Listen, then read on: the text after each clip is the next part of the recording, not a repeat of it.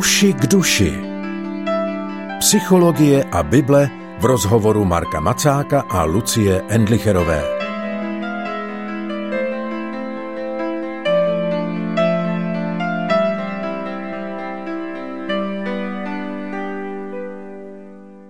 Známá znělka ohlásila pořad uši k duši, u jehož poslechu vás jako obvykle zdraví Lucie Endlicherová a stejně tak jako obvykle je tu se mnou po internetových linkách náš pravidelný host, psycholog Marek Macák. Marku, vítej, ahoj. Ahoj. Když jsem přemýšlela o tom, jak se dostalo na to téma, o kterém dnes začneme mluvit, říkala jsem si, když už prostě není co dělat okolo, tak se dá jít jenom do hloubky. Tak eh, dneska to bude podobné, protože když už toho není moc co ulovit kolem, tak budeme mluvit o duchovním formování, tedy o jakémsi vstupování dovnitř do hloubky sebe sama a o budování vnitřního člověka. Marku, ale na úvod bych ráda předsunula ještě otázku. Duchovní formování to je určitě věc, která bude blízká lidem, kteří se nějak orientují v duchovním světě, když to vezmeme takhle obecně, aniž bychom mluvili jenom v křesťanských pojmech, ale přemýšlela jsem, jestli má takové duchovní formování něco společného s psychohygienou, když už jsme u tvého základního psychologického zaměření. Určitě má, protože psychohygiena se týká eh, právě toho, jak mít eh, jakoby životosprávu na té psychologické rovině což souvisí právě uh, nějak se vztahem ke svému rytmu, ke svým uh, hlubinám, ke, ke své běžné uh, praktické realitě každodenního života, ve kterém jsme ponořeni a která nás ovlivňuje. To je viděno tím psychologickým jazykem, že jo? nebo tím, těma psychologickýma očima, které se zabývají naším prožíváním, našimi emocema, naším myšlením, naším stavem, naším zdravím na téhle rovině ale vlastně duchovní život se zabývá tím samým předmětem v jistém smyslu a to je životem člověka, jenom s, širším a hlubším jakoby přesahem. Že jo? Takže v podstatě tam, je, tam se toho hodně kryje. Otázka je, jakoby ke kterým zdrojům jdeme a kam hodíme tu kotvu toho procesu a vůbec porozumění toho, co se děje. Pro mě je to širší rámec, ten koncept toho duchovního formování než psychologicky. Psychologie popíše procesy, které probíhají na té přirozené lidské rovině. Spiritualita nebo duchovní perspektiva nám ukáže hlubší význam a přesah toho, čemu jsme stvořeni, jak jsme stvořeni a ještě nás posadí do kontextu vztahu s Bohem. Takže on tam je určitě jako velmi podobná jedna rovina, ale, ale psychologie má omezenější hrací plochu a vysvětlovací plochu, ale taková zvláštní věc, hodně křesťanů, kteří mají velmi jasno v teologii, tak kdyby uh, zapojili do svého života trošku víc psychohygieny, tak by i duchovně byli formováni lépe. Protože my se snadno pohybujeme v nějakých abstrakcích toho, co je pravda, co není pravda, co jsou teologicky správné jako východiska předpoklady a to je důležité. Ale potom je tam otázka toho, jak žijeme. A to nejenom morálně, ale i z hlediska péče, péče o to, jakoby, jaké jsou naše možnosti, naše parametry, co jsme to vlastně za stvoření a kde máme svoje hranice co musíme se naučit respektovat v životě a to je vlastně podobný. Můžeme tedy pojmenovat, kde jsou ty styčné plochy psychohygieny a duchovního života. Co je to společné, základní, o co skutečně, nevím, jak to říct, je třeba dbát? Společný je asi to, že v obou se věnuje pozornost lidskému prožívání a jednání, to je hrozně obecné, co teď říkám, ale, ale věnuje se jim pozornost zblízka. Věnuje se pozornost tomu, co doopravdy dělám, eh, teď z hlediska nějakých eh, životních rozhodnutí velkých, ale z hlediska svého běžného každodenního fungování, z hlediska svého, své pozornosti vůči tomu, co se ve mně odehrává, vůči tomu, eh, na základě čeho jednám, vůči tomu, nakolik si uvědomuju svůj vnitřní prostor a co s ním dělám, co do něj pouštím, jaký postoj mám k tomu, co se ve mně odehrává jakým způsobem nebo nakolik reflektuji, jakým způsobem zvládám zátěž ve svém životě. No a na to se dá podívat z té obecnější psychologické perspektivy, ale vlastně stejný témata jsou témata toho, jak ze sebou zacházím z hlediska reality toho, jak jsem byl stvořen, reality toho, kým jsem byl stvořen a co jsem to jako za bytost. Takže je to o tom konkrétnu nakonec. Je to o tom konkrétnu toho, co doopravdy prožívám, toho, co doopravdy dělám ze dne na den. A i duchovní formování, vlastně i psychohygiena eh, se zaměstnává tím každodenním běžným fungováním v oblastech, které chápeme často jako výplň. které chápeme jako eh, to mezi tím podstatným. Spánek, čas, kdy zrovna něco neřeším, vyvážení aktivit, které mám v životě. No, takové ty věci, které většinou nám nevystupují moc do, do popředí jako figura, která by poutala pozornost, ale když uh, o ně nepečujeme, tak je to přesně to podhoubí, které nám pot, potrhne nohy, nebo taková ta, ta voda, která nám podmije dům. Jo. Velmi snadno. Takže tohle je jakoby péče o ten základ. Jestli tomu dobře rozumím, tak eh, k obému, tedy k psychohygieně i duchovnímu formování, člověk především potřebuje čas, ten čas, který věnuje sobě samému a taky to odhodlání, jak si vstupovat do sebe, naslouchat si, všímat si sám sebe. Je to tak? Ano, i když tam se bude právě lišit trošku eh, to, ze které eh, stránky to nasvítí, ta psychologická nějaká perspektiva a ta duchovní.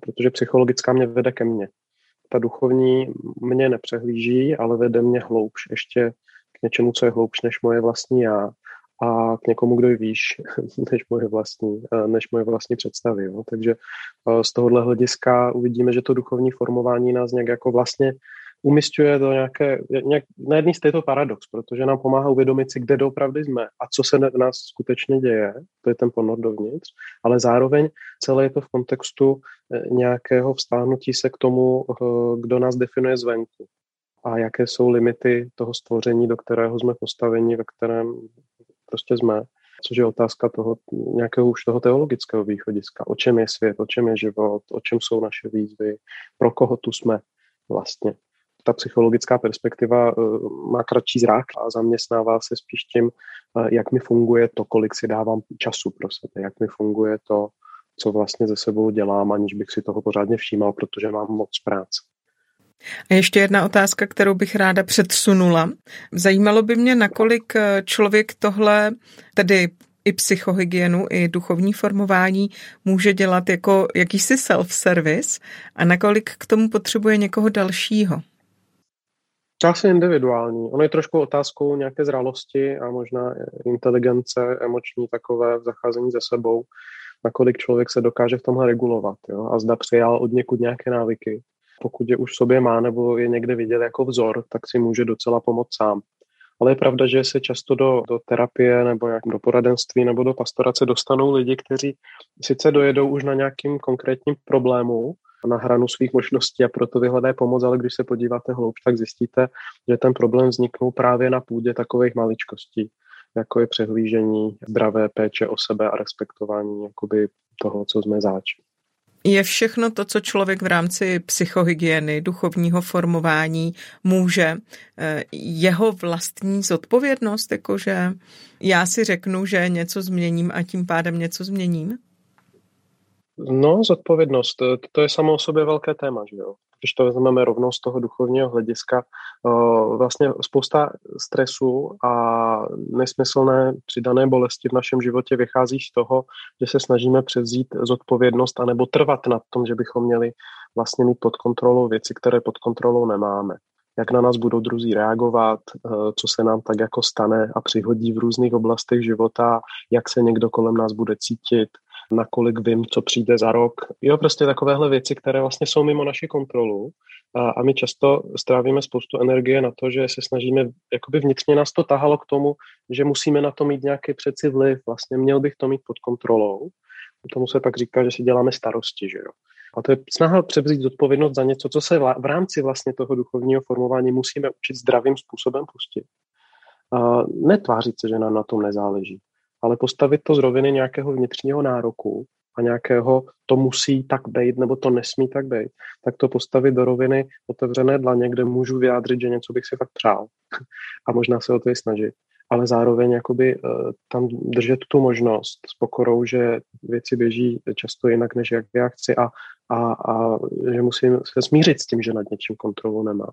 A potom je tam ta druhá rovina, a to je to, za co teda máme zodpovědnost doopravdy a co je v dosahu naší vůle. A to jsou většinou věci, které nás moc nezajímají. To jsou ty věci, které můžeme ovlivnit.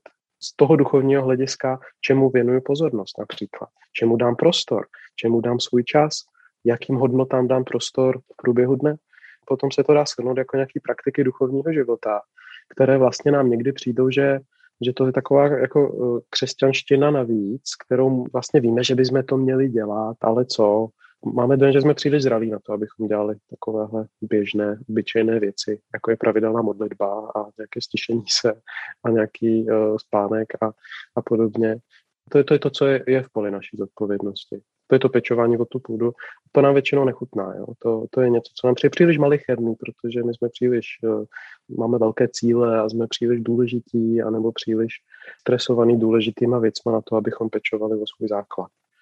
Takže už vůbec to rozlišování, co se musím naučit nechat plavat, a, anebo držet otevřený dlani, a co naopak, čeho bych se měl trošku více chopit a, a věnovat tomu energii, protože to je na mojí zodpovědnosti a je to v mojí kompetenci a tak eh, tohle rozlišování samo je otázkou duchovního, duchovního růstu a o tom se budeme bavit v těch dalších pořadech. Co tobě osobně pomáhá v tom rozlišování? Protože tohle skutečně je náročné a umět rozlišit, co pustit a co naopak držet a čemu se věnovat a kam upřít vlastní síly, tohle je boj na celý život a i když to člověk objeví, tak to neznamená, že to objevil na pořád nejvíc mi asi pomáhá frustrace za sebou. Prostě dělám něco nějakým stylem, že usiluju o nějaké věci v životě, aby se dařily a tak. A, a časem dosa- zjistím, že v některých věcech se točím v kolečkách a že, začín, že, že jako dospívám na stejné místo že nějaké věci, přestože na ní pracuji, tak nakonec se stejně jako neovládnu, jo? nebo nakonec stejně nemám kontrolu nad tím, jak něco dopadne v práci, ve vztazích a podobně. Že nemám takovou kontrolu nad svým třeba zdravím, anebo nad tím, tím že mi běží roky. Jo? To, to taky jako člověk by rád nad tím měl kontrolu. Že jo? Takže buď se můžu stresovat, a, anebo se investovat energii, anebo můžu zjistit, že potřebuju něco jiného, než co jsem si myslel, že potřebuju. Že nepotřebuju mít pod kontrolou všechny věci, že některých věcí uh, takový ten zvláštní uh, úkrok, o kterém se taky budeme ještě bavit, kde vlastně jsem musel zjistit, co všechno musím v životě přijmout, že tak je a že to má svůj vlastní čas, svůj vlastní vývoj a že v tom nemůžu tlačit na pilu, i když si můžu přát něco, tak jako by to zjišťování u mě vychází právě často spíš jako z frustrace z toho, že už jsem moc vystresovaný, z toho, že to nejde tak, jak si představuju. Jo? A to, to zbavování se iluzí tak velmi pomáhá. Pětná vazba od druhých lidí a ještě jako mě dost pomáhají příklady druhých lidí, kteří uh, pro mě se stali příkladem nějakého vyro, nějaké vyrovnanosti a nějakého klidu, protože mě zaskočilo, že jejich životní okolnosti jsou často horší než moje třeba a přesto mají klid, o který já mám dojem, že vlastně usiluju. No, tak najednou jsem zjistil, že asi jsou napojeni na nějakým jiným způsobem než já, protože to není tím, že by dosáhli tu míru kontroly nad životem. Takže ta vyrovnanost, a zakotvenost, a klid, a moudrost a, a nevím, co vychází někde odinut a, a hodně takových lidí se pro mě stalo inspirací. Skoro když eh, tě poslouchám, tak mám chuť říct dvě slova, aktivita a pasivita, ale s dovolením mm-hmm. je schovám na příště, protože to se nám ano. budou velmi hodit, viď? Moc děkuji, Marku, za vstup do tématu a těším se na naše příští setkání. Tohle byl pořad Uši k duši. Od jeho mikrofonu se loučí Lucie Endlicherová a Marek Macák.